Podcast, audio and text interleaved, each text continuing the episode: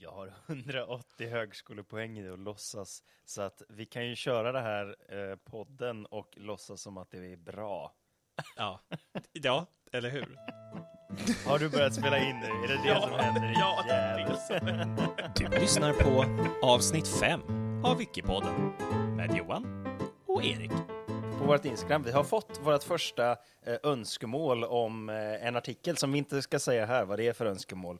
Eh, Ja. Och ingen av oss har eh, tagit upp det, tror jag. Jag har i alla fall inte det. Eh, men den ligger som eh, på lager. Kanske kommer den i framtiden. Jag tror att den här, är- den här, den här nosar i området på den. Jag kände att mitt första där med choklad var lite närheten, så att jag vill inte... Nej, vi har redan... Ja, vi- ja om, ni, om, ni, om ni har örnöron... Nej, vänta. Ja, Ja, nej, eh, vänta. Vilka... Men- Vem hör bra? Elefantöron, kanske? Elefanter de hör har bra. stora öron. Ja, men de hör bra tydligen. Äh, whatever. Eh, Om du, om du är noggrann lyssnare så, så kan du nog redan nu räkna ut vad det handlar om. Nej, det kan du inte, men Nej. nästan. Nästan. Men i området. Okej, är du redo? Så redo. Jag har kommit upp om en förlorad koloni.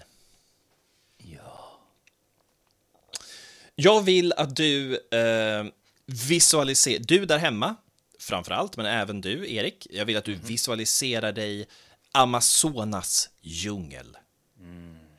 Och jag vill att du med alla sinnen försöker att liksom känna in den amazonska djungeln. Och även om du aldrig har varit där så, så ta inspiration av saker du kanske har sett på film eller på, Ja. på någonting annat. Mm. Absolut. Jag vet hur ett kakaoträd ser ut till exempel. Till exempel ett kakaoträd, precis. Så, så bara tänk liksom eh, lukten, fukten i luften, känslan av, av, av liksom eh, gräset på dina fötter till exempel. Vi sätter på lite djungelljud här tycker jag. Ja, de, det är redan på. Ah. Bra. Tänk dig att du går igenom Amazonas djungel. Det, det, du hör liksom syrsor och fåglar och det är ljud överallt, det är liv överallt. Och du liksom nästan, du bara kämpar dig igenom den här djungeln. Den är tät och den är jobbig och plötsligt så mitt i den här djungeln. Det det finns inga vägar någonstans i närheten. Det finns liksom ingen, ingen spår av civilisation i närheten. Men mitt i så ligger det sex stycken amerikanska radhus. Eh, jaha. jaha. I lite så här olika stadier av, av, av, eh, av ett utav dem är eh, nedbrunnet. Liksom du ser att det har varit ett radhus där, men det har brunnit ner. Eh, och det är en jättestor varuhall som också liksom är helt, helt övergiven och rostig och det är, ja, och det är trasiga fönster överallt och du ser liksom spåren av en gammal hamn nere vid, vid floden som, som går i närheten. Och, eh, en helt totalt övervuxen och död plantage. Okej, jag är Och- på. Och ett rostigt vattentorn också som tornar sig över hela, hela området. Vad har hänt här? Eh, du sa att det var en bortglömd koloni. Mm. Så min gissning är att, att det här är en koloni som har blivit bortglömd. Och Oj. att eh, det har eh, hänt att den har blivit bortglömd helt enkelt. Inte, det, på något sätt har jag blivit lite låst i detta faktum att den är bortglömd. Att den är Eh, bortglömd. ja. Eh, jag ska säga så här, det, det är lite orättvist om att säga att den är bortglömd, men den är förlorad, definitivt. Ah, det det är lite övergiven, men okej. Ja. Okej. Tänk dig så här. Eh, du är brasiliansk gummibonde. Absolut. Du, delar din, din, din familj har livnärt sig på att odla gummiträd och liksom det här flytande latexet in i gummit och förädla det för att sen skapa gummi som man sen då har sålt vidare till, till olika industrier, till exempel Storbritannien eh, eller Ja. USAs bilindustri till exempel. Mhm. Men det som inte fick hända hände. Nej. En brittisk botanist smög sig in Nej. Jo, och snodde gummiträdet. Snodde gummiträdet? Mm, snodde Hela gummi- trädet? Eh, Ett litet, ett litet träd. Så jag vaknar på morgonen och så har jag ett träd mindre. Det lilla trädet som du liksom har så här, eh, vad heter det, frösått i en liten kruka liksom, som har stått i fönstret och sånt så här. Du har liksom visat dina barn, bara, en dag mina barn ska det här gummiträdet försörja er familj som det här har försörjt er. Och en dag, borta, det är en brittisk botanist som bara Jag ska iväg, faktiskt säga att liksom. det var värre än så. Jag berättade för mina barn om hur mycket det här betydde för oss och att vi Mm. tillsammans som familj har livnärt det och odlat det. Och så länge det finns här hos oss så finns vi som en familj. Ja, just det. Plötsligt, en brittisk främling i byn dyker upp med en stor, med en stor eh, säckvävspåse på ryggen och bara skopar ner den här krukan och trädet i den här stora säckvävspåsen som Men- det står... Ja, Men, mm, men, men det är ju Ja. mitt träd! Ja, och bara loot. Det står loot på påsen, står det. Eh, Och bara, try- jo, Eh, trycker ner i påsen och så, alltså, så här, tipptår han iväg samtidigt som han twirlar så, så här, sin mustasch som han har. Stor- Nej, dricker te samtidigt. Ja, ja, absolut. Dricker te. Ah. Slänger opium bakom sig. Det Ehm, låter ju som, det låter ju rimligt. Ja, precis. Nej, men, men det, det, det är en, en dramatisering av vad som hände, kan man säga. Eh, Kan ha varit så. Vi vet kanske inte. Vi kommer kanske aldrig veta. Nej, men det kan ha varit exakt så. Vi, vi vet att det var ungefär exakt inte så, men, men skit i det. det eh, den här snubben då tog sin loot-säckvävspåse med den här plantan i, åkte till Sri Lanka och Jaha. började plantera gummiträd, för det var också ett tropiskt klimat som passade sig för gummiträdsodling. Vilket gjorde att hela gummiindustrin flyttades i stort sett från Brasilien till Sri Lanka istället. Nej, men vilken jävel. Ja, som teindustrin ungefär, och Ja. Indien. Man snodde teplantan från Kina, började odla det i Indien. Hela teindustrin är nu flyttat till Indien i stort sett. Jävla britter. Ja, visst va. Men det hände. Ja, Så, så det betyder då att det betyder egentligen två saker. Brasiliens eh, för detta gummibaserade ekonomi på just, just det området ruinerad, förstörd. Det är eh, familjers levebröd i generationer borta. Betyder en annan sak, det betyder att Storbritannien just nu kontrollerar allt gummi i stort sett i hela världen. det betyder också en tredje sak. Mm. Min familjs sammanhållning har tagit sig en ordentlig törn Ja, efter det det där blev, familjeträdet blivit stulet. du börjar dricka, Ja, eh, droger, ja, eh, du, du, du, kanske våld kanske inblandat. En del våld. Jag skäms för att erkänna det, men det var en del våld. Mm. Absolut. Jag tog ut det här på andra. Skulle jag inte gjort, men så blev det. Jag, jag vill höra mer ifrån brasilianska gummiodlare. Eh, ja. Men sen, för nu, nu måste jag be dig att, lämna, lämna, lämna vår vän. eh, brasilianska. Jag har så svårt. Du sätter mig i så intressanta situationer hela tiden. Jag är liksom en pestsmittad i London och jag är gummibonde i Brasilien och sen så bara ber du mig att lämna det. Förlåt. Vi har ju redan sagt att jag har 180 högskolepoäng i att låtsas. Ja, det är mitt egna fel. Förlåt, jag borde veta. Du behöver mer tid att förbereda dig för de här grejerna. Ja, jag blir så attached. Ja, jag vet. Tänk dig nu istället. Mm. Tänk dig nu. Du befinner dig i Detroit. Mm. Du är ägare ett av de absolut största företagen. Året är 1920. Vad var året förut? Eh, året då var väl runt 1900, 1800 till 1900. Ah. Ish. Men det är 1920 du äger ett av de absolut största företagen denna värld någonsin har skådat. Oj! Du har uppfunnit det löpande bandet. Ah, är det sant? Jag gör bilar? Du gör bilar Wow. och du är alltså Henry Ford. Och vad behöver varje bil? Det här är min, det här är min, livs, det här är min livsroll. He- Okej. Henry Ford. Okej. Ja, ja. Radio Wikipoddens radioteater presenterar Erik Lennblad i Ford. En monolog. Vad behöver bilar? Jo, däcken behöver ju gummi. Exakt så. Ah. Och, vem, och vem kontrollerar gummit? Britten, den här, den här boven. Britterna kontrollerar gummit och har dessutom lämnat en hel region i ruiner. Henry Ford Ja. var alltså hur, han är ju otroligt älskad, speciellt i USA är han ju alltså, ja. höjd över skyarna verkligen. Eh, En mest- framgångsrik businessman, det Kan inte bli Ja, bättre. ja, men han var väldigt framgångsrik, men han var ju dessutom också, som då alla säger, han var otroligt mån om sin arbetare. Han var ju så här, skulle bet- han betalade bra, såg till att de hade bra villkor, såg till att de liksom eh, han, alltså han, hans motto var ju liksom en bra arbetare ger bra produkt ungefär. Alltså, Okej. han, trodde, han trodde ju verkligen på det. Radikalt. Ja, men lite faktiskt. Han behövde ju inte göra det, absolut inte. Men eh, han såg till att betala dem liksom fruktansvärt mycket pengar för dåtidens, eh, dåtidens mått mätt.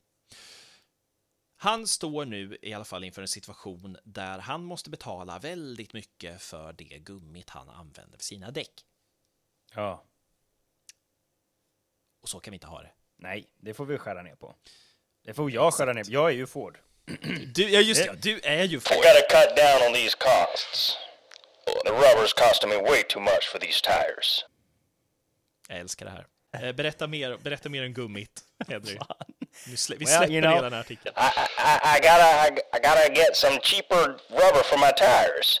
Eh, nej, men jag, jag halkar ju ner. Jag kan ju inte olika amerikanska dialekter. Jag är, jag är ledsen, men... ehm, I gotta say, well, you know, the, the car, they need to um, ride on these uh, air-filled tires so we don't feel the bumps in the road. And uh, the Brits, they're charging me way too much for these tires. So I'm gonna go to Brazil. Mr. Ford, Mr. Ford, Yeah. uh, uh, you just mentioned are the rumors that you're about to uh, embark on a colonial expedition in Brazil uh, actually true? I can neither confirm nor deny that. But you just said you were going to Brazil, sir. Yes, it's true. I'm going to Brazil. eller? Var det så? Han Ja, stack då- till Brasilien. Ja, det är ungefär så. Ja, ja, inte personligen. Men, eh, återigen, vi är tillbaka med, med gummiplanteraren här nu. Ah. Vi- Du är tillbaka i hans fötter. Det är snarare hans son kanske till och med. Ja. Mm, hans son.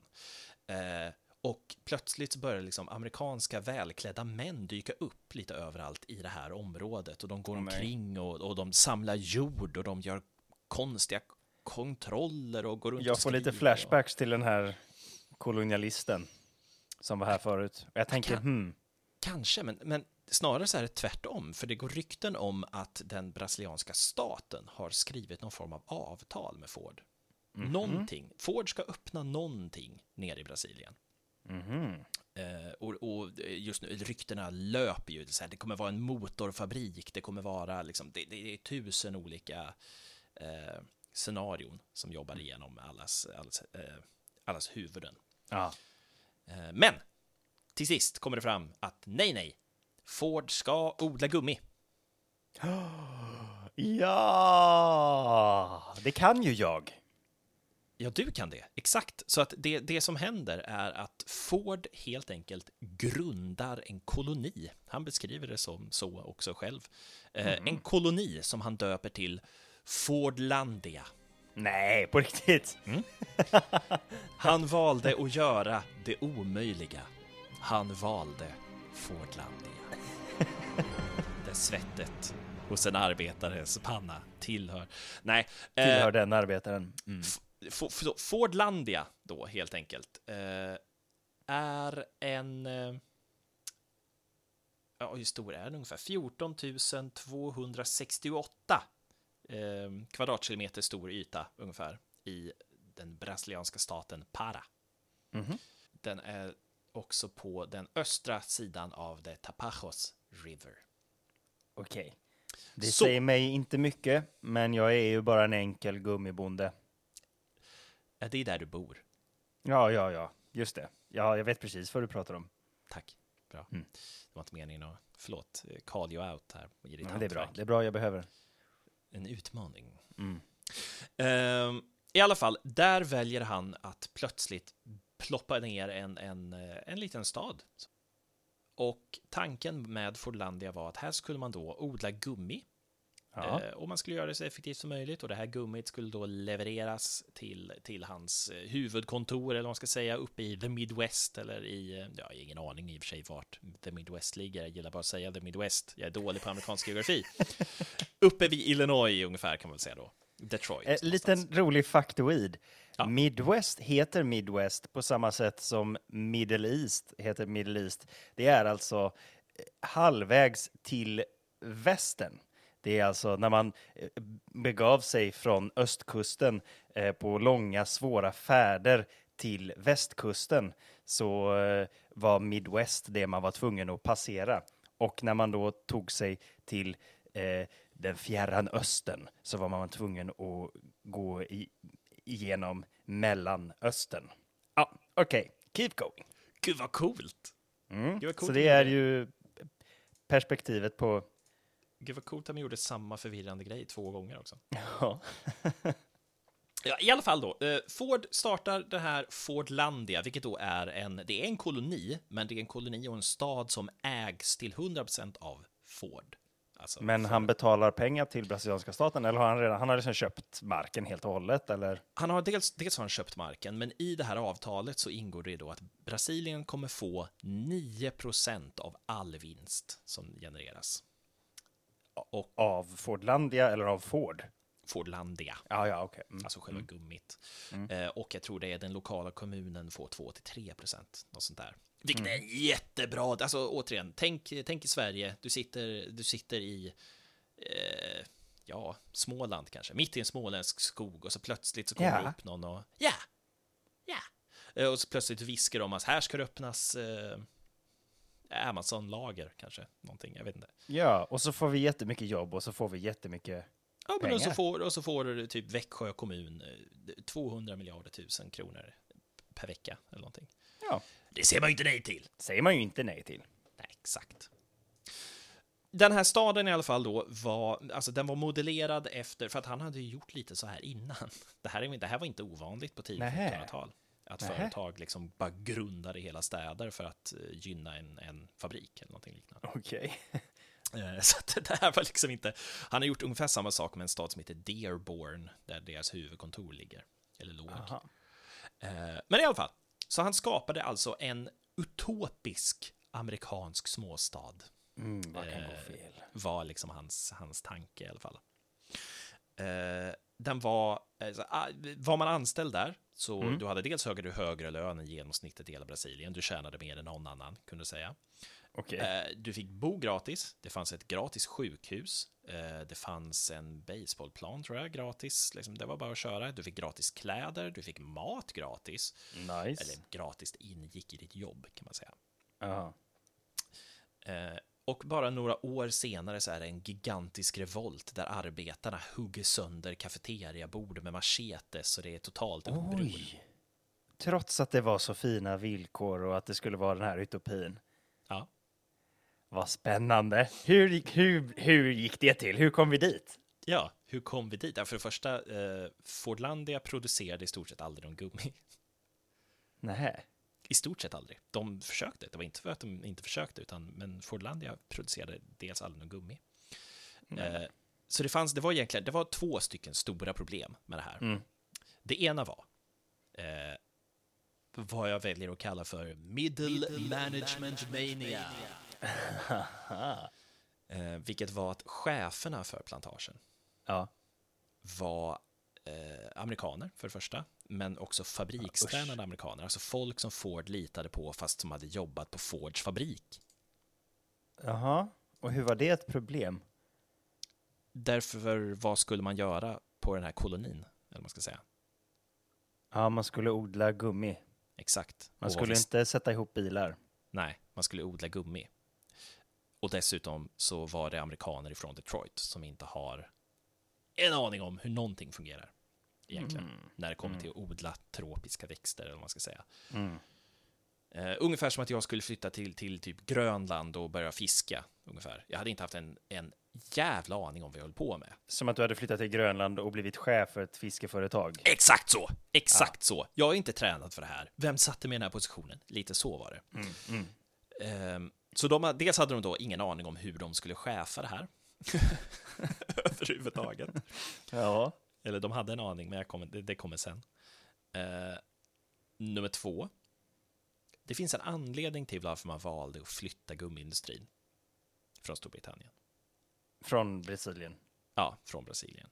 Ja. Eh, den stora anledningen var att Brasilien har väldigt massor med sjukdomar och typ löss och mögel och svamp och sådana grejer som då anfaller gummiträd, speciellt gummiträd som står tätt intill varandra, som i en plantage till exempel. Ah, och på Vilken- Sri Lanka har de liksom ingen naturlig fiende, de här gummiträden. Exakt så, vilket betyder att Sri Lanka bara på några år kunde liksom poppa upp som världens största gummi, gummifabricör egentligen. Coolt. Eller hur? Men det gjorde ju att även fast man producerade väldigt mycket gummi och kunde producera väldigt mycket gummi så var det mycket svårare att industrialisera gummiproduktionen. Ja. Men det hade man inte riktigt koll på. Så att alla de här sjukdomarna och parasiterna löpte som, alltså som en löpeld. Åh nej, vilket misstag. Ja, så att eh, alla träd var ju liksom nästan döende ungefär. Ja. Så att det var också en stor anledning varför det aldrig kom igång ungefär produktionen. Och Nej. en sista grej var, och det här var då, eh, och här kommer vi in på lite bland skärpunkten mellan de två problemen. Okej. Man hade en ganska strikt liksom 9 till 5 schema. Liksom working 9 to 5. Du, jobb, du började på, liksom, du började, stämplade in, du stämplade ut och sen var du klar med din arbetsdag. Mhm. Grejen var att det är ju modellerat efter ett, eh, vad, vad heter det, tempererat klimat. Eller liksom ett klimat där, där dagarna inte blir speciellt varma mitt på dagen. Ah, nej, just det. Men i ett tropiskt klimat däremot, Där behöver man sin siesta. ja, där blir det varmt också. Med Ja. siesta och det blir varmt. Ja. Eh, och dessutom hade man varit, du som ändå är gummiodlare nu, Ja. eh, exakt, eh, du, då hade du vetat att ju varmare det blir så desto längre upp flyter den här gummin under dagen i träden, vilket gör det mycket, mycket, mycket, mycket svårare att utvinna latexmassa ur Okej. trädet Okej. när det är varmt, utan det får du göra typ innan solen går upp och efter solen har gått ner. Det vill säga att du jobbar otroligt tidigt på morgonen, otroligt sent på natten, Men inte så mycket däremellan. men inte så mycket på dagen, för att det går inte. Det är ineffektivt, det funkar Ja. inte. Ja. Men det här sket ju då de här fullständigt i. För att allting skulle vara 9 to 5, det skulle vara det inrutade, maskinella, fabriksmässiga. Det, det är ju en perfekt amerikansk stad. Ja, så att allting måste göras på ett perfekt amerikanskt sätt. Exakt. Så att allting på, och då kommer vi in då i problem nummer två. Allting i den här stan var otroligt amerikanskt och amerikanskt påtvingat kan man i stort sett säga. Ja. det, man hade liksom en total nonchalans emot seder och bruk som görs liksom av eh, bondbefolkningen eller lokal, ur, Ja, ursprungsinvånare eller För, lokalbefolkningen de, i för de anställde alltså eh, brasiliansk, brasilianska invånare som kunde grejer ändå. Ja, var ju- cheferna var amerikaner. Exakt. Cheferna var amerikaner, en handfull chefer var Okej. amerikaner. Ja. Eh, en chef var dansk, minns jag också, en av de första cheferna. Nej Eh, men gud. Eller hur? Va? Ah. Va? De, eh, det gick inte så jävla bra för cheferna i alla fall. Eh, För, för återigen, de försökte då påtvinga det här amerikanska, Fordska, det som Ja. funkade perfekt i småstäderna uppe i USA. Liksom. Just det. Eh, Och ja, de, de hyrde i stort sett då bara in brasiliansk personal. Det var en av delarna av avtalet i stort Mm. sett. Det var bara Mhm. lokalbefolkning som skulle få Mm. det här. Men, och det finns en hel rad problem här egentligen.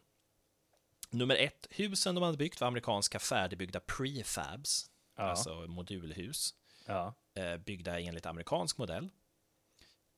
Eh, Grejen är, mm, det finns inte så många amerikanska småstäder mitt i en djungel, eh, så att Nej, känner Då- inte till några.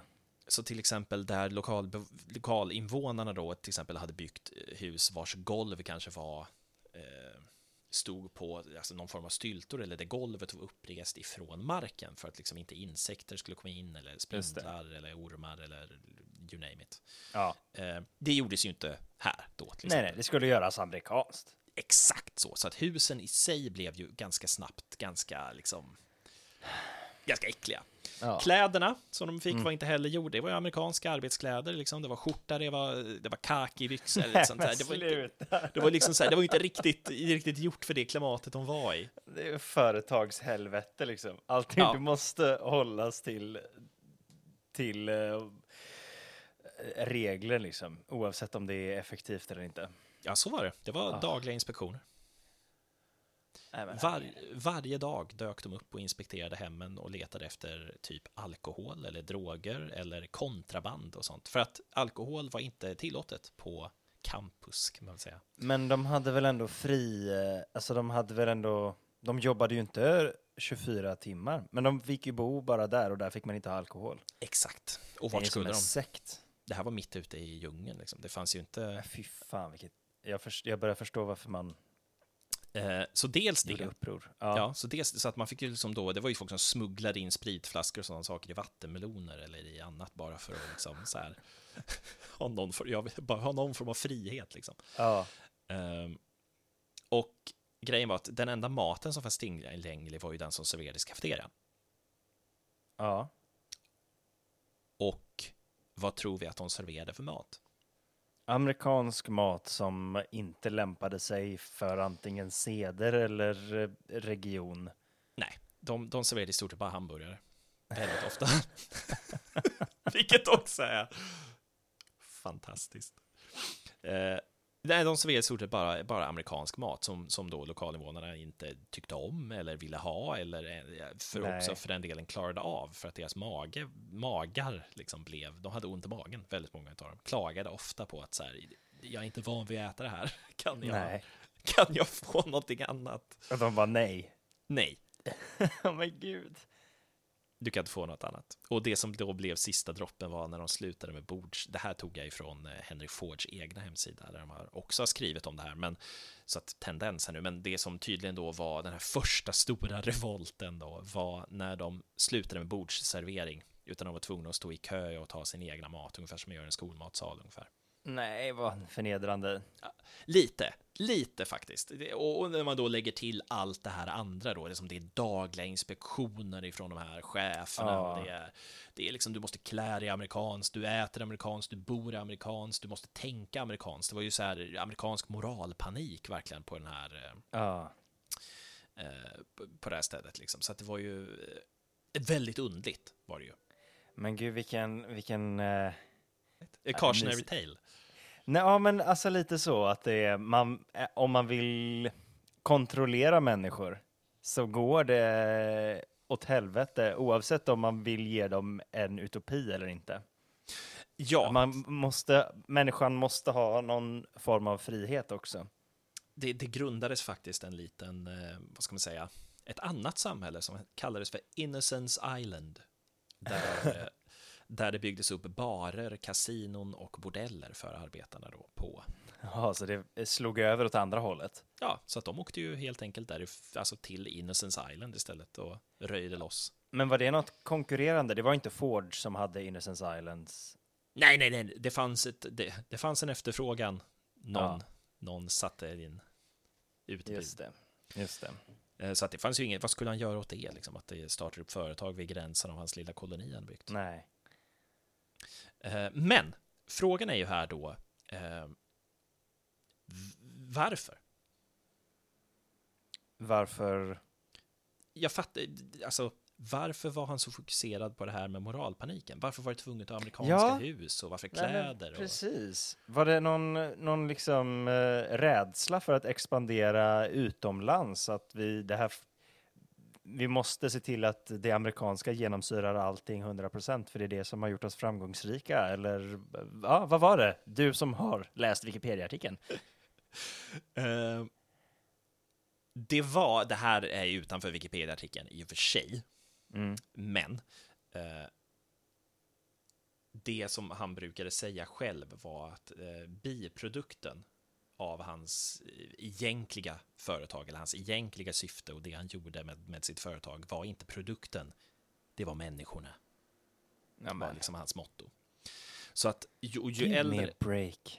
Ja, så ju äldre han blev, desto mer besatt nästan kan man säga, blev han av det här med att bygga civilisation ungefär. Alltså, han byggde inte längre företag och industri, utan nu skulle han liksom få bygga en bättre värld, var tanken. Nästan lite maktgalen. Ja, ja, Ja. gud ja. Ja. Eh, så att liksom han beskriver typ, we're not going to South America to make money, but to help develop that wonderful and fertile land. Är det ett citat. Och eh, Men är det inte lite PR då? Att man, att man att det var det som var huvudsaken. Det var väl klart att han ville ha billig gummi. Jag sa ju det. Jag som, okej, jag som har erfarenhet av att spela Henry Ford Ja, eh, ja, kan ja. ju säga att eh, det var väldigt viktigt att spara pengar på gummidäck. Ja, ja det, jo, men det, det stämmer ju. Alltså, det, självklart var ju det drivkraften. Absolut, absolut. Men han, det, på riktigt, en av, en utav hans stora mål med det här var att eh, i, alltså, göra riktiga arbetare av brasilianare i stort sett. Det är, nästan det, han, det är nästan det han säger rätt ut i ett citat han har sagt. Ja, men gud. Eh, Så att, eh, men vilket är så fascinerande, för det här blir ju någonting av det mest alltså, eh, postkoloniala jag någonsin har läst om. På många Ja, sätt. det finns ju en fin tanke, men det är också så miss... Alltså det är ju verkligen att misstro de här brasilianerna. Att det är deras... otroligt. eh, Ja. men, otroligt mycket. Men, eh, dels så startades en systerkoloni till Fordlandia Jaha, som hette Bonterra. okej. Eh, jag tror den hette Bonterra. Nu ska jag försöka hitta vart, eh, vart den drog vägen. Var Belterra. Belterra. Det var inte så jättestor skillnad. Eh, där gjorde de lite tvärtom. Där, där var det mycket mindre löst styrt och där var det en forskare som var botaniker och jag tror det var till och med samma snubbe som, som hade smugit ut med en gummiplanta till Sri Lanka eh, till att börja med. Att det var han som, som var liksom Jaha, som startade.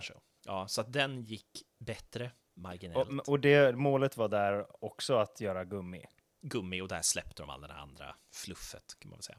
Men Fordlandia då, som var det här stora, liksom, tanken och, som han tänkte sig var att det här skulle bli en exempelstad, liksom en utopisk stad, eh, ett bevis på att man kan liksom, från ingenting bygga upp en utopisk stad under ledning av en, en stark fadersfigur ungefär. Ja. Eh, Det finns, det finns väldigt många liknande företagsstäder, framförallt i USA, där liksom ett företag har byggt upp en stad och sen i, i vissa fall har de fått använda en sidovaluta som bara fungerar i företagets Va? affärer och såna grejer. Ja, ja. Nej, fy fan vad... Åh, ja. Eh, Men det som tog död, på, dystopiskt. ja, det är fruktansvärt dystopiskt. Eh, Vi kommer till det, det också. Eh, Men det som, det som till sist tog död på Fordlandia helt, dels så var det ju revolter hela tiden ungefär. Men det som till sist, det var faktiskt, det blev en sån, sån illa revolt 1930 att alla amerikanska managers flydde ut med en båt i, i havet ungefär. Eh, Och alla arbetare bara, de skar av telegraftrådarna, de, de eh, skrämde ut liksom alla amerikaner ur den här byn ett par dagar. Tills den brasilianska armén dök upp och bara Oj! "Hör- Hörni, hörni, nu får ni ta det lugnt. Och då, Det var det som krävdes liksom. och då fick de äta egen mat igen. Efter det. nice. Men, t- det- som sagt, det som till sist dödade hela skiten var andra världskriget, dels. Mm. Därför att, eh, ja, plötsligt så var den här internationella handeln man var van vid var ju borta över natt. Mm. Nummer två, syntetiskt gummi uppfanns. Aha. Så bara några, några, några, liksom, några decennier efteråt så hade man uppfunnit syntetiskt gummi. Och, mm, då är det ingen idé längre. Varför ska man spendera miljoners miljoner på... Ja. på Men om, och nu kommer jag ställa en jobbig fråga som du kanske inte har svaret på. Eh, det är inte meningen att sätta dit dig. Vad är syntetiskt gummi?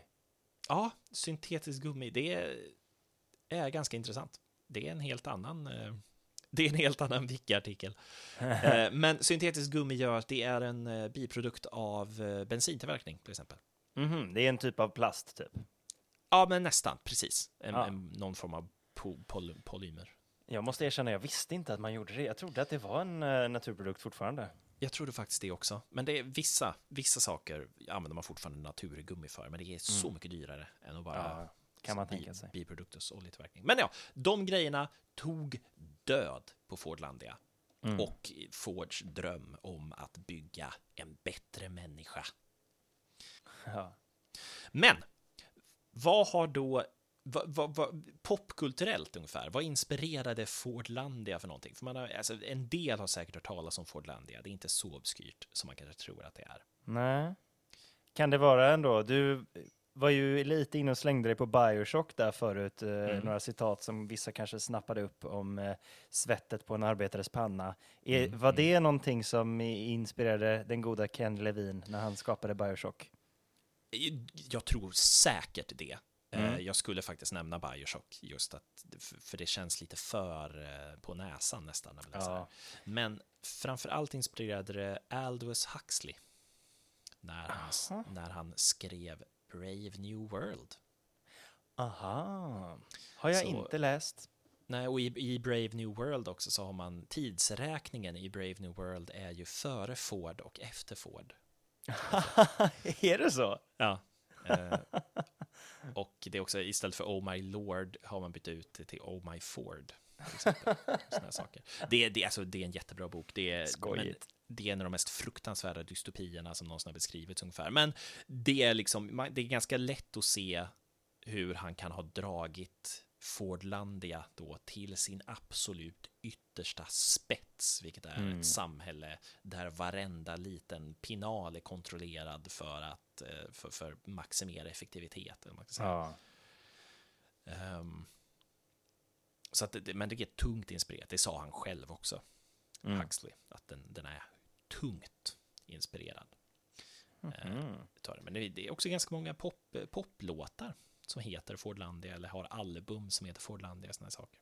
Men i, i och med att den inspirerade Brave New World så inspirerade den ju också Bioshock i eh, Just det. och alltså det är ju hur många saker som helst som är inspirerat av Brave New World, hela cyberpunk-genren till exempel. Mm. Eh, Så det har vi Fords absolut största misslyckande att tacka för. Och det tackar vi verkligen för.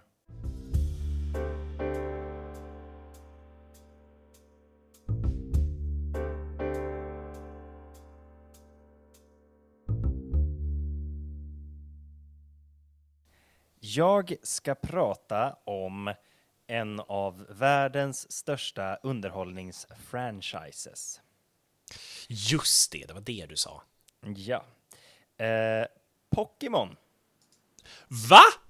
Det stämmer. Idag blir det Pokémon. Och eh, Pokémon är någonting som eh, ligger mig varmt om hjärtat. Det var någonting jag växte upp med. Hur är det med dig? Eh, Jag erkänner absolut inga Pokémon efter generation 2. Nej, precis. Det då är vi likar i, i det avseendet. Jag misstänkte det. Eh, men vad kom först i Pokémon-sammanhang? Var det animen? Eller var Eller det ägget. spelet? Eller var det ägget? Eller var det de här kortspelen? Eller vad var det? Vad tror du? Oj. Eh, eh, varje stor franchise börjar ju med en idé. Precis, och den idén kom 1995. Men vilken produkt kom först? Eh, och vänta nu. Det måste ju vara de här spelkorten som ingen använde, eller hur? Det var inte spelkorten som ingen använde. De var Nej. ganska sena.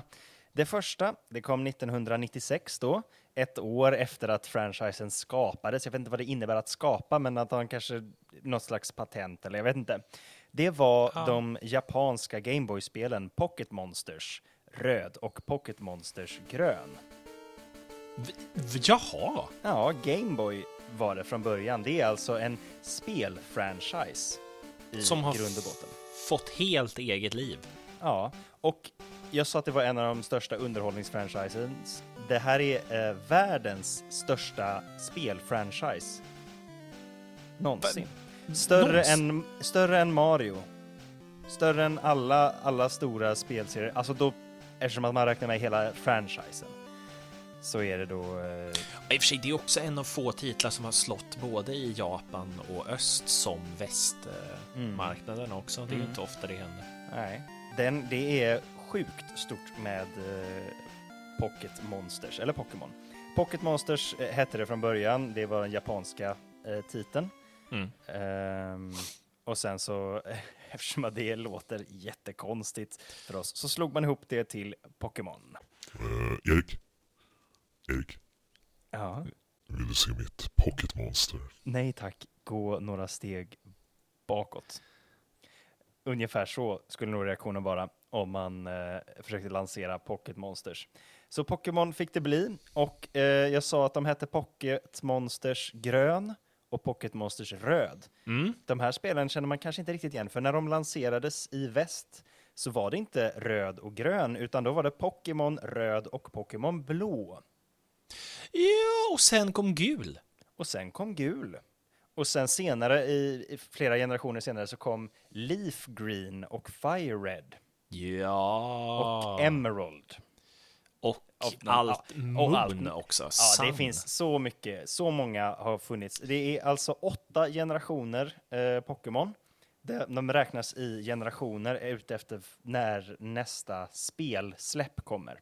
Alltså Ja. då är det main-spel. Det finns ju massa spin-off-spel, som Mm. till exempel Detective Pikachu, som sen Eh. också blev en film. Exakt, eller klassikern till Nintendo 64, Pokémon Stadium, där du kunde importera Precis. dina Pokémon Red och Blue eh, Ja. eh, fick monster och slåss till döden. Och få se dem i full renderad 3D. Ja, det var, det var Det coolaste. det. Det var det coolaste jag varit med om. Ja, det var det faktiskt. Jag har inte levt ett rikt liv. Eh, Men det har du ändå upplevt. men det fick jag uppleva. Det finns ju så mycket, oerhört mycket att prata om Pokémon som sagt. Det finns ju till och med så mycket att det finns en egen Wikipedia. Alltså inte en, eh, inte en Wikipedia-sida, utan det finns en egen version av Wikipedia eh, med, för Pokémon-fans och som bara innehåller Pokémon-fakta. Den heter Bulbapedia, som i Pokémonen Bulbasaur. Jag har varit inne på Bulbapedia flera gånger tror jag. Jaha, du det? Vad- I vilket syfte då? Ja, men du vet, när man, när man bara googlar någonting lite fort och liksom så hamnar man bara på en fan-wiki. Typ. Jag har ju varit på Wikipedia flera gånger till exempel. Just när man vill veta någonting om Star Wars, då hamnar man på Wikipedia. Ja, men eller hur. Eh, så att, skojigt. ja, det är lite, lite klämkäckt, lite roligt. Mm. ja. Så, Ja, så Bulbapedia heter deras. Jag har hämtat lite därifrån, men mest är det Wikipedia. Mm. Mannen bakom Pokémon hette Satoshi Tajiri. Det var han som hittade på den här världen där barn fångar små djur och sen låter dem slåss mot varandra. Eh, och det kan ju låta makabert. Det hela har sitt ursprung i Tajiris intresse för att samla insekter som han hade som barn. Eh, alltså han hade det intresset när han var barn. Han hade inte insekterna som sina barn. Utan när han var barn, då hade han ett intresse för att samla insekter, fånga insekter. Kände att du behövde inte klargöra det.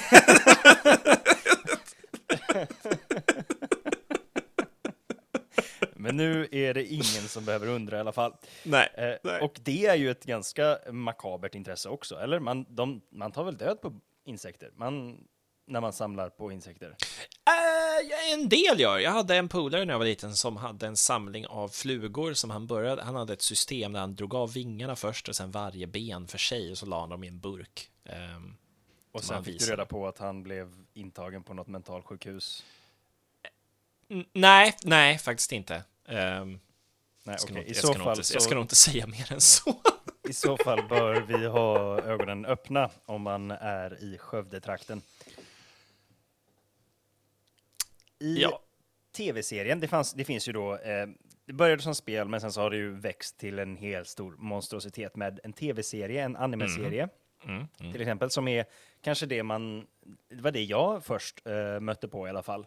Eh, och jag såg ju det här religiöst eh, första säsongen och andra säsongen och sen Oh, kanske ja. tredje säsongen och sen så var det så svårt att hänga med och eh, blev mindre intressant. Men det handlar ju om eh, Ash, huvudkaraktären. Han har ett efternamn som heter Catchem som är eh, hela franchisens slogan, Gotta catch 'em all. Eh, och det är ju en uppmaning egentligen till att konsumera Pokémon. Men i Fånga dem alla. Fånga dem alla, katalogisera dem och låt dem strida. Vi får följa Ash resa när han lämnar sitt hem för att bli världens största Pokémon-tränare. Han är typ 11 då. Eh, med sin favorit-Pokémon Pikachu. Ja, du hade någonting? Ja, nej, förlåt. Jag vill bara gå in på, jag, jag fick någon form av ilske-inducerad flashbacks till hur jävla värdelös Ash är. Bortklippt på grund av långrandig diskussion av en snart 30 år gammal barnserie. Ni missar inget. Tro mig. Mycket nöje.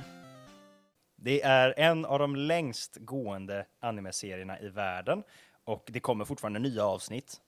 De, Oj! De, ja, ja, de håller fortfarande på. De har Vänta inte nu. slutat. Och det är fortfarande Ash. Och han är fortfarande 11 kanske. Eller det vet jag inte.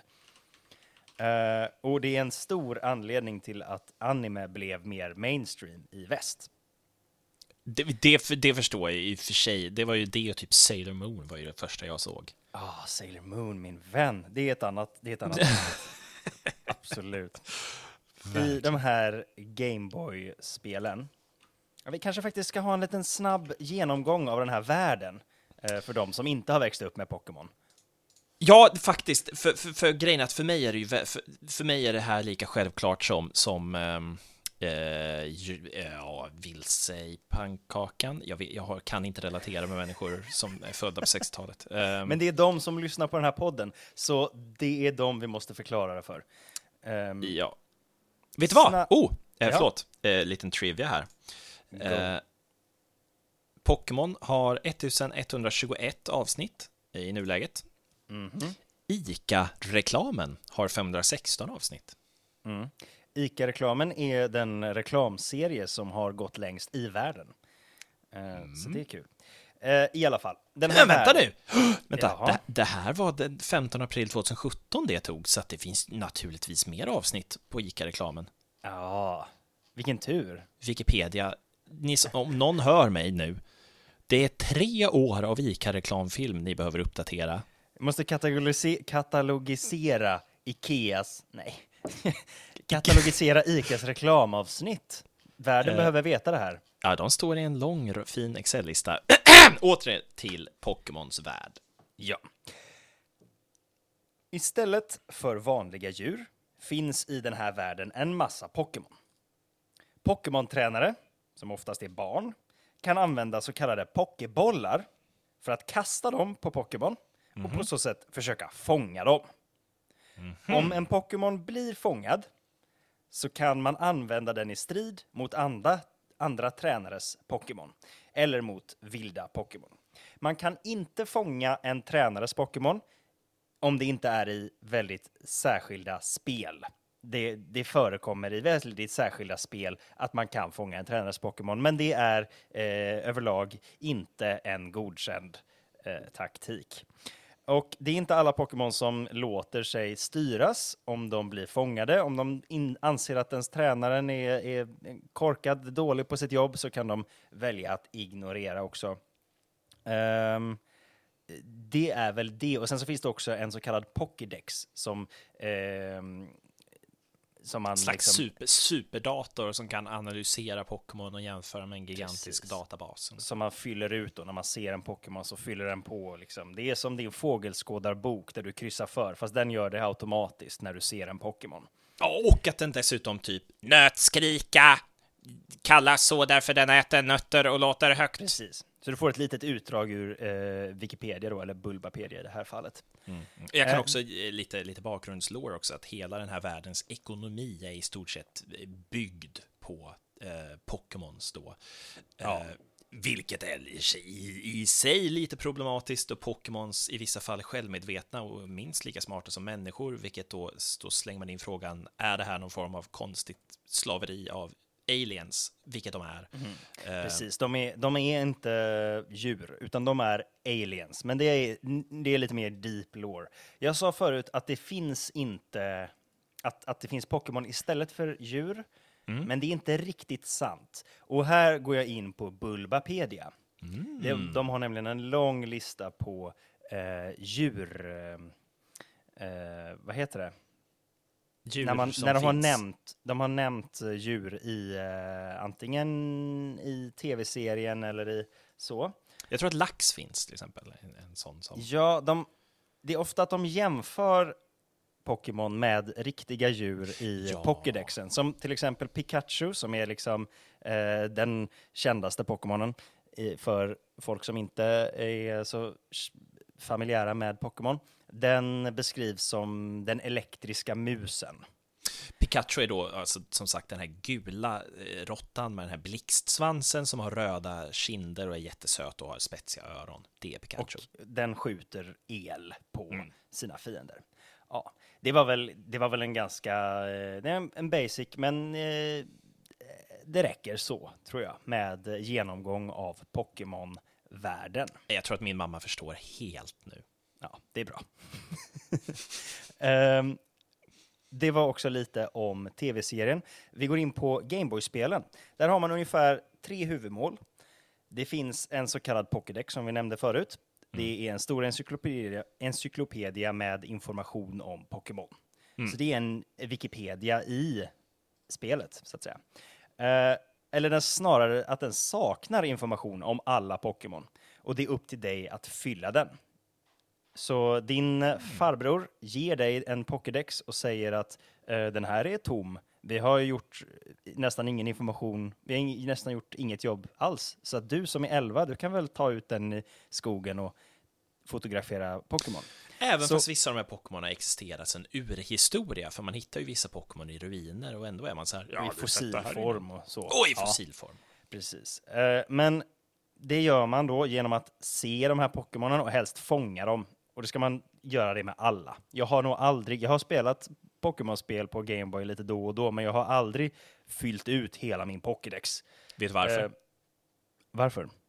Därför att vissa av de mest sällsynta Pokémonen dök bara upp på speciella event ungefär. Så att du var tvungen att dyka upp på ett så här eh, in real life event och så fick du så här koppla in ditt Gameboy Mm. i någon annans Gameboy och föra över en Pokémon och liksom. Det stämmer. Det stämmer. Min eh, flickväns, nej, vad säger jag? min eh, systers flickvän, vad är det? Svägerska. Ja, Hon berättar om att hon skickade sitt eh, Gameboy-spel. Hon tog ut det lilla spelet ifrån sin Gameboy, postade det till Nintendo och så la de in eh, någon av de här eh, Pokémonen som var omöjliga att eh, få om man inte fick det från dem.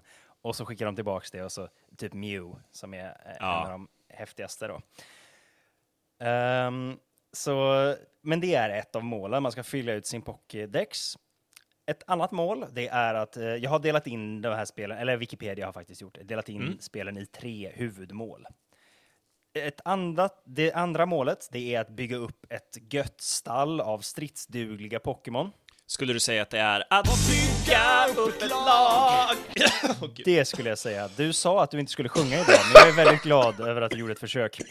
Tack. Eh, precis, du ska bygga upp ett lag och träna dem var dag eh, så att de blir så starka som möjligt.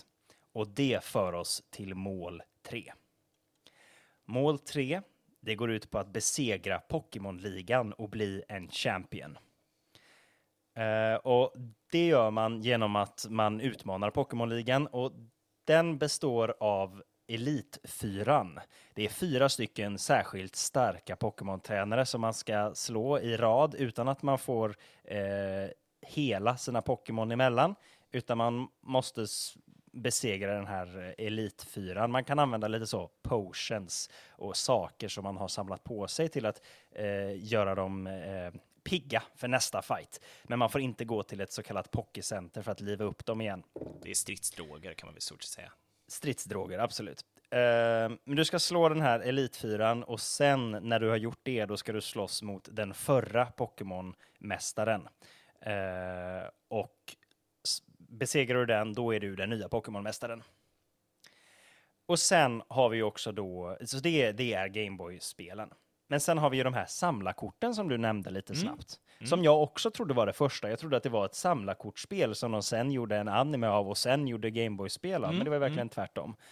Ehm, det här spelet publicerades i väst av Wizards of the Coast. Som ni kanske känner igen om ni spelar Magic the Gathering, som är ett eh, annat sånt här eh, samlarkortspel. eh, som är jättestort och jättekänt och det är liksom För det är ju en samlarkortspelens samlarkortspel. Det är nog en kopia. Jag kan inte spelet, för att jag samlade bara på de här Pokémon-korten och brydde mig aldrig om att lära mig reglerna. för Man skulle bara ha dem och liksom kolla, jag har en Charizard. Eh, men det är nog, eh, när jag har tittat på de här korten i efterhand så ser det ut som absolut, det är en kopia av Magic the Gathering. Eh, men så det var lite bara nu, nu är ni med på hur Pokémon fungerar, hur det är uppbyggt. Allt det här är ju för att sälja. Det är ju en ganska smart franchise på så sätt. De uppmanar i varje avsnitt att så här, nu ska vi ut och fånga en ny Pokémon. Och så de här Pokémonerna, de säger sitt namn, det är deras läten. Den säger Pikachu, Pikachu, så att alla barnen ska lära sig att den heter Pikachu och den där heter Charmeleon och sådär. Um, ehm, och så ska de så här, nästa avsnitt, nu ska vi fånga en ny Pokémon. Uh, och det är lite så, fånga alla, konsumera. Um, och för varje generation de gör så hittar de ju på nya Pokémon då också. Ja. För att ja. de ska kunna eh, ja, fortsätta och expandera det här universumet. I skrivandets stund, vet du hur många arter som finns? Kan du gissa? Många Pokémon-arter alltså. Åh, herregud. Ehm, vad är det nu? 512 var väl första... 150 en var första generationen. 151, förlåt! 512 är en helt annan. 151 var ju första. Mhm. Generation 2... Ja, jag De har ingen man, aning. har- Det är ändå sjukt, alltså jag kan ju typ alla 151, jag kan ju inte vad de heter i nummerordning, men Nej. om jag ser en bild så vet jag vad den heter. Det är ändå 151 namn, så att ni fattar, de gjorde ett bra jobb. eh, Även generation Pokémon-företaget. 2 också för den. Ja, ganska mycket. Det finns 896 stycken arter och det finns nog ganska många barn som kan alla dessa namn. Herregud. Ja. Eh, Så de är effektiva. Det är också lite roligt, för man ser verkligen vilka som var designade liksom generation 1 och generation 2 när de designade efter, eh, num- alltså efter vanliga djur eller så här, lite roliga koncept ungefär. Typ att ja, men det, den här är en, en svävande hög med skrot med två magneter på. Jättekul. Mm. Medans i typ generation, jag vet inte ens vad, vi är uppe i nu, åtta, Åtta. typ. Ja, så är det typ, det är den abstrakta känslan av ett paket på julafton. Det är en Pokémon nu. Alltså, Det är härligt. De har fått slut på idéer kanske. Är det det du försöker säga? Ja, jag känner att de skrapat tunnan lite och det i sig är säkert en Pokémon också som heter typ Barrel Scrape. Barrel? Det finns en eh, person som heter Josef Tobin, eller Toban, jag vet inte. Professor, eh, av ut, eh, professor of Education. Hans teori, eh, det här med att de säger sitt namn och att, att det finns så himla många så. Han har en teori om att varför det blev så populärt hos barn har att göra med att eh, det var en lång lista av namn som lätt kunde läras av olika barn och som de då kunde prata med varandra, barnen i sina grupper. Och så kunde man då fortfarande hålla sig till gruppen. Vi alla gillar Pokémon. Ah. Men samtidigt kunde man skapa sig en identitet för att jag gillar Charizard. Du gillar Venusaur. Ja. Men vi gillar alla Pokémon, så vi har ändå en samhörighet, Ja. men vi eh, kan samtidigt skapa oss en egen identitet. Och de här eh, djurens namn är ju då länkade till deras eh, karaktärsdrag ganska mycket och ganska ofta. Ja, och förmågor och, och, och grund... eh, Precis. Det finns en liten vattensköldpadda som heter Squirtle, som är att spruta vatten.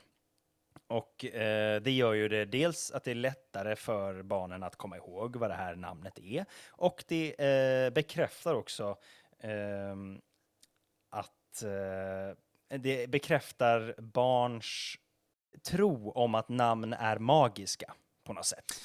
Det är ah, det som Josef Bulbasaur, alltså då dinosaurieknopp eller knoppdinosaurie. Då. Ja, det finns lite kontroverser också, vilket jag tycker är den roligaste delen. Ja!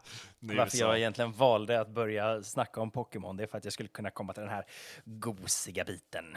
Man kan ju tycka vad man vill om Pokémon, att de är en stor, liksom, eh, ja, konsumeristorganisation, det är de ju. Men man kan också tycka att de är ännu ondare. Som Oj. 2012 då, den här härliga organisationen PETA, PETA, som jag tror står för People for the Ethical Treatment of Animals. Mhm. Eh, det är en, också absolut ett avsnitt om PETA någon gång. Eh, de är ju lite sådär galna, men deras hjärtefråga är ju djurens eh, välmående. Och de hade en take att Pokémon då handla om att fånga djur och tvinga dem att slåss. Och jag menar, det är inte, Men va? helt, det är inte helt orimligt. Nej, det handlar Eh, om att tvångsavla dem med varandra på dagis också. Ja, det också. Eh, Men jag menar, det är inte en helt orimlig kritik att ta. Men det här, och de släppte också ett eget litet sånt Gameboy-spel. Kanske inte till Gameboy, men liknande. eh, Där man skulle vara en Pokémon och slåss mot sin tränare för att bli fri. Men, eh, men oavsett vad man tycker om Pita så kan man kanske ändå hålla med om att det inte det är inte en helt orimlig kritik eh, som de kommer med här. Nej, nej, nej. Eh, det är i alla fall den, kanske den mest rimliga kritiken i den här listan. Jaha! okej. För sen har vi eh, kristna fundamentalister. Jag skulle, jag skulle just säga, någon har sagt att det är typ demoner eller något liknande det. Absolut. Det finns okulta eh, element i Pokémon Mm. eh, som jag inte alls, det står liksom inte på vilket sätt. Men jag menar, är man en kristen fundamentalist så kan man alltid hitta okult symbolik. Ehm, Så är det. Och sen är det ju också det här som jag glömde nämna i min introduktion om Pokémon. Pokéutveckling är en väldigt stor centralt tema i Pokémon. När en Pokémon har växt till sig så kan den utvecklas till en, eh, en eh, ja, starkare version av den Pokémon. Den blir en annan Pokémon, en slags metamorfos. Och det kallas för evolution eller utveckling. Hade människor haft evolutions så hade det varit ungefär, man börjar som spädbarn och sen så, han poke, poke utvecklas till ett barn. Och sen, åh, han po barnet poke utvecklas till en tonåring. Tonåringen poke utvecklas till en vuxen. Den vuxna blir en gamling. Och sen ingen dör någonsin. Så att Nej, slutar. precis. precis. Gamlingen man, har då- man dör inte. Nej. Eh, men man blir starkare och starkare och det är ju härligt. Exakt. Exakt. Men eh, du eh, sa, du hade ganska många utvecklingar där och max är tre. Alltid. Man kan bli, det, det kan max finnas tre, det kan inte finnas fler än tre, men det kan finnas färre. Vissa Pokémon utvecklas aldrig, vissa utvecklas en gång eller två gånger. Um, Och sen ja, faktiskt, har vi ursäkta. Eevee. Ja, jag skulle ju säga. Eevee. Eevee är, har en speciell, särskild ställning. Eevee är en liten ekorre som beroende på om man ger den en sten eh, som är en eldsten eller en månsten eller en isten eller något sånt där, ja, lite olika kriterier, så kan den utvecklas till olika saker. Den kan bara utvecklas en gång, men det finns en himla massa olika utvecklingar som den här ekorren kan ta, så den grenar ut sig lite. I låren så Ja. är det för att Eevee har en väldigt instabil genetisk kod, vilket gör att Eevee kan utvecklas eller poke-utvecklas för att anpassa sig till vilket, vilken område eh, den än befinner sig i. Aha. Tack, Sterner, för den. Eh, det är ju också då, ehm, ja, det är ju det då som de här kristna eh, knäppjökarna tyckte var dåligt, att det här med evolution, det går emot eh, Bibeln. Ja, och man kanske kan vara evolutionsförnekare, men det är ju inte evolution på samma sätt. Eh, men det är samma ord och det räcker. Hade, Sen- det alltså, hade det varit så att evolution var liksom så renartad som den var i, Ja. i Pokémon, då hade jag i stort sett nästan alltså, helt erkänt en intelligent skapare av allting och bara, nej absolut, det finns, alltså, lagen om tre, det går ifrån en liten sköldpadda till en jättestor med kanoner på ryggen som är cool, nej men jag köper det! Alltså, Ja, då, det, då måste det finnas en intelligent skapare. Kanske en intelligent skapare vid namn Satoshi Tajiri. Kanske. I alla fall. Eh, de tyckte att det var dumt med den här eh, med utvecklingsgrejen. Sen så kom ju då Vatikanen Oj, och, och de är rimliga.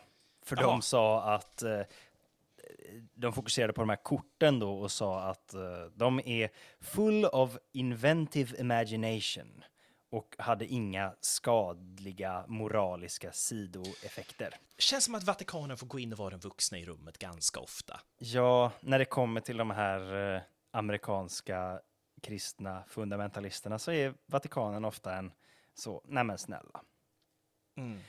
Eh, sen så fanns det också i eh, då en, en kristen grupp som eh, ledd av David Tate, som introducerade en annan, eh, ett annat sånt här eh, kortspel som heter Christian Power Cards.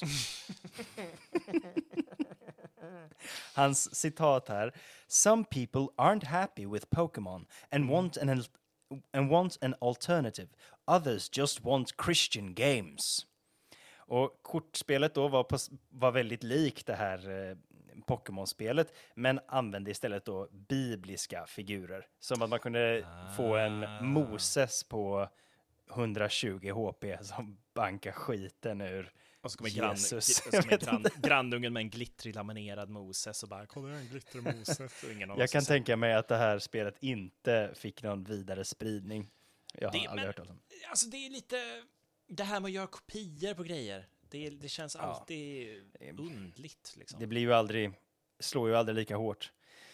Men eh, 1999 så skapade, eller de, ja, Nintendo hade ett av de här korten eh, till kortspelet som hette Kogas Ninja Trick. Det här kortet släpptes bara i Japan. För de visste att det skulle vara kontroversiellt i väst. Det fanns nämligen en, i det, på det här kortet fanns en manji, som är en traditionell buddhistisk symbol utan några negativa eh, så, eh, anknytningar, men det är ju också det som vi i väst ser som en svastika.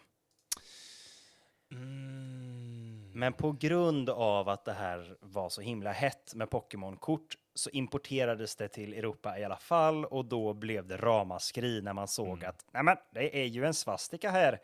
Ehm, och det var faktiskt, ska jag säga, det var med Nintendos eh, godkännande som det importerades till väst. Men för det är ju en, det är en religiös symbol. Det är ju inte... Absolut, men det är ju också en känslig symbol här. Eh, så att de korten eh, bannades överallt sen då. Fick de ta bort. Så nu är ju då Nintendo nazister. Ah. Eh, men i. Saudiarabien, där bannade man alla Pokémon-spel och alla sådana här kort eh, för att eh, Pokémon var sionistiskt. Va? Ja, så de är både nazister och sionister nu. Eh, för att på Pokémon-korten så finns det en symbol som står för energi som gör att man kan lägga ut olika kort och den energisymbolen är en sexstjärnig stjärn, en sexuddig stjärna, så som Davidsstjärnan. Eh, den ser inte alls ut som en Davidsstjärna, men den är sexuddig. Eh, så då var det usch, usch, usch. Det fanns också då anklagelser om att det var eh, såna här eh, frimurare och sånt där för att det fanns trianglar med. Eh, Svårt att undvika triangel. Jag kan förstå att man undviker svastika, för den är ganska liksom, du, det ska mycket till om du råkar slänga in en svastika någonstans. Ja, verkligen. Men en triangel, det är liksom en triangel. Ja. Men sen finns det ett, ett eh, riktigt... ehm, ett, ett, det var ett problem 1997 när eh, ett avsnitt av den första säsongen av Pokémon-animen släpptes. Just det, det här minns jag. Det här avsnittet hette, och nu kommer jag säga det här helt fel, men jag ber inte om ursäkt. Deno Senshi Porygon. Och det brukar man översätta till Electric Soldier Porygon. Porygon är en eh, Pokémon som är eh, data. Ungefär. Det är- Polygoner. Han är gjord det av är massa trekanter. polygoner. Det ser ut som en eh, rosa pingvin på något sätt, fast det är med polygoner. Eh, det är säsong 1, episod 38. Det här avsnittet hade i sig, och det går att finna, om man går in på Wikipedia-artikeln så har de det här klippet, eh, finns där. Eh, en sekvens i det här avsnittet när det blinkade jättesnabbt mellan rött och blått och jättekraftiga blinkningar så att många fick epileptiska eh, anfall. 635 japanska barn åkte till sjukhus efter att de hade haft eh, anfall. Efter att de hade sett det här avsnittet. Jösses. Ja. Eh, det var då, eh, den blinkade mellan blått och rött på ett sätt som var skadligt. Men jag, jag minns hela den här debatten, jag minns ju inte det 97, för att vad var jag då? Fyra år gammal eller någonting. Men, Ja. men jag minns ju att det var den som typ triggade igång att det ska vara så här epileptisk varning i, Mm. på typ alla program och liksom... eh, Precis. Och när vi såg Pokémon, när det kom till oss, det var ju, eh, det var ju långt efter det här. Så då hade de redan, hela det avsnittet togs bort. De gjorde inte om det eller någonting, de tog bort hela det avsnittet. Vilket jag, eh, när jag fick höra det här så tänkte jag, jaha, var det därför jag inte riktigt kunde hänga med i den här första säsongen? Det var väldigt konstigt, men det var nog inte det. Nej, De var nog bara ganska dåliga på att ha en story överhuvudtaget. Eh, men hela avsnittet togs bort och alla andra avsnitt gjordes om. Så det finns ganska Oj. mycket blinkande. Ni kommer ihåg kanske att jag sa att Pikachu är eh, Ashs favorit-Pokémon. Som är med i alla avsnitt och gör allting. Det är mycket blinkande för att han är elektrisk, så det är mycket liksom eh, blixtar och grejer. Han är Och elektrisk alla de- och, och man gjorde billig animation framför allt. Så att för, att, för att visa att det var elektricitet så bara bytte man färg på bakgrunden. Mm. Precis, och, men man gjorde om alla de här avsnitten när han gör blixtar, så har man tonat ner det. Och det jag, för det fanns en eh, jämförelse på Youtube när man kunde se Mm. då eh, i första avsnittet allt de hade ändrat. Och det man märker är att de har dratt ner på antalet bilder som visas. Så att animationen ser mycket sämre ut. Det flödar inte lika bra när det är massa blixtar och sånt, så har de dratt ner på antalet bilder så att det är, blir väldigt hoppigt i animationen.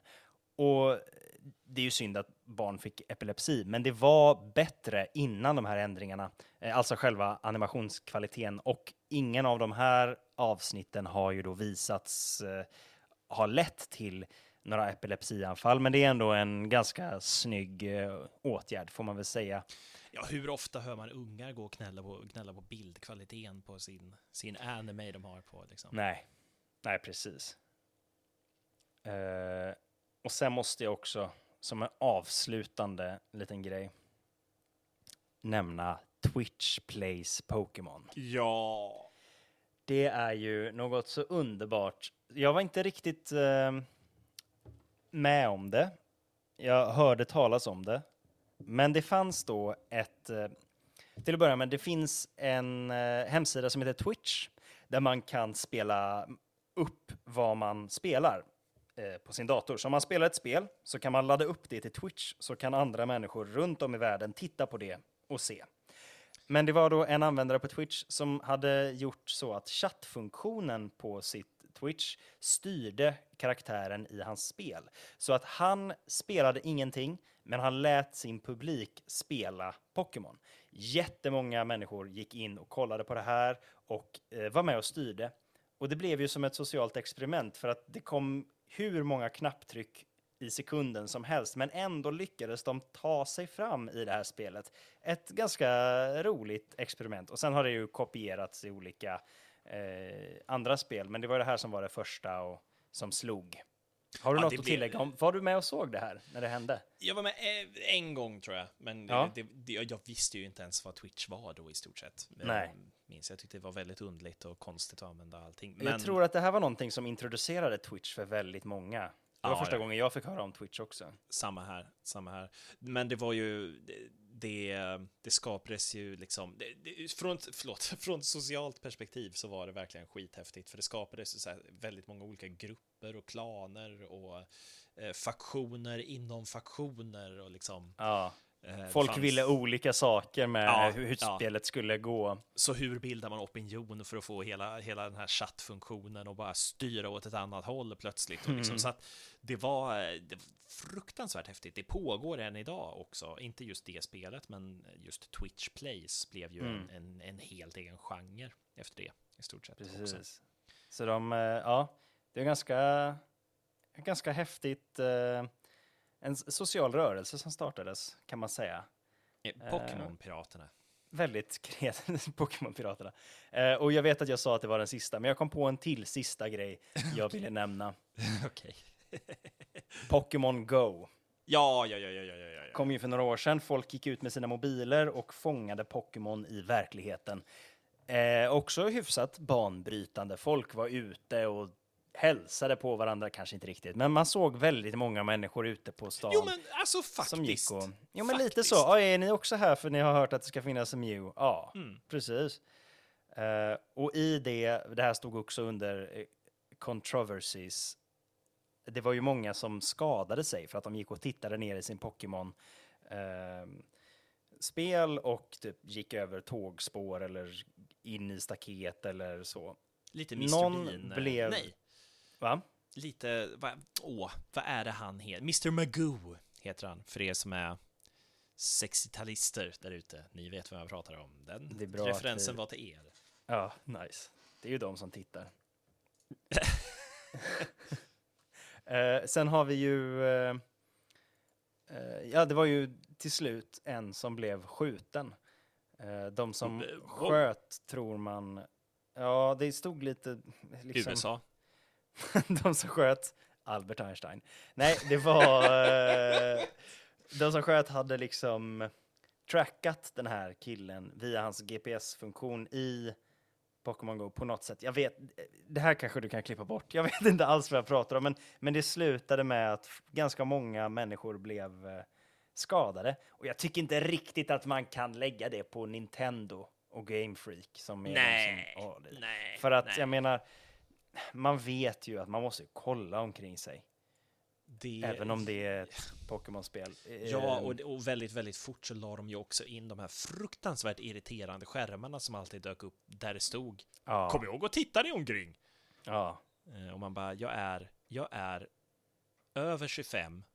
Jag kan, jag kan gå själv. Och sen så snubblar man liksom över någonting för man tittade på. Men uppenbarligen behövdes det. Jag slog i smalbenet i en eh, sån här sparkcykel riktigt hårt en gång. Ja, jag, du ser. Så jag lever ju inte som jag lär. Nej. Eh, det var faktiskt det jag hade om eh, Pokémon. Wow! Alltså, två saker jag insåg under Mm. hela perioden som du pratar om det här. Nummer ett, varför är jag fortfarande så engagerad i Pokémon eh, överhuvudtaget? Alltså, varför... Man blir lite påverkad. Ja, men varför kan jag fortfarande så mycket? Det är liksom saker längst bak i min hjärna som inte har aktiverats på hur länge som helst som nu bara så här. "Äh, Ivy har faktiskt jättemånga Ja. evolutioner på grund av hennes instabila genetiska ko-" Jag vet inte Men jag visst, man lärt kommer mig ju aldrig glömma de här 150 namnen. Nej, men i stort sett inte. Nej, jag tror aldrig. Jag, alltså, det, det kommer ju gå till, till graven med. Men det var nummer ett. Och nummer två är, för fan vad fjuttigt det låter när man får det förklarat ur en Wikipedia-artikel. Wikipedia har en förmåga att verkligen klä av allting, alla, alla nostalgiska rosa glasögon och pretensioner. Det är verkligen så här, du fångar Ja. monster och slåss med dem. Ja. Alltså beskrivningen låter ju som antagligen hur mina föräldrar lyssnade på när jag berättade om Pokémon när jag var liten. ja, de bara okej. Eh, Kul. yes, jätteroligt och speciellt för dig. Vad roligt. Hade du några, spelade du några Gameboy-spel när de kom? Ja, ja, jag spelade ehm, guld och sen så hade jag inte råd att köpa den nyaste Gameboyet Åh, och då slutade det och sen blev jag för gammal. Ja. Men jag spelade guld, spelade, det var mitt primära. Det spelade Var det jag Game Boy slaviskt. Advance du inte hade? Nej, det DS var det jag inte hade. Ah, nej. Jag, jag hade en granne som hade Game Boy Advance och sen så sålde han det begagnat till mig för typ en hundring eller något. Ja, Jag hittade en Game Boy Advance i en eh, skrotbil på min styvfars skrotgård. Vi har alla en Game Boy Advance inom oss. Ja, och det ligger en Game Boy Advance och väntar på dig där ute någonstans, du som lyssnar. Det enda du behöver göra är att greppa den. Vill du prova att köra en uh, Fordlandia till Pokémon Rush eller ska vi skippa det?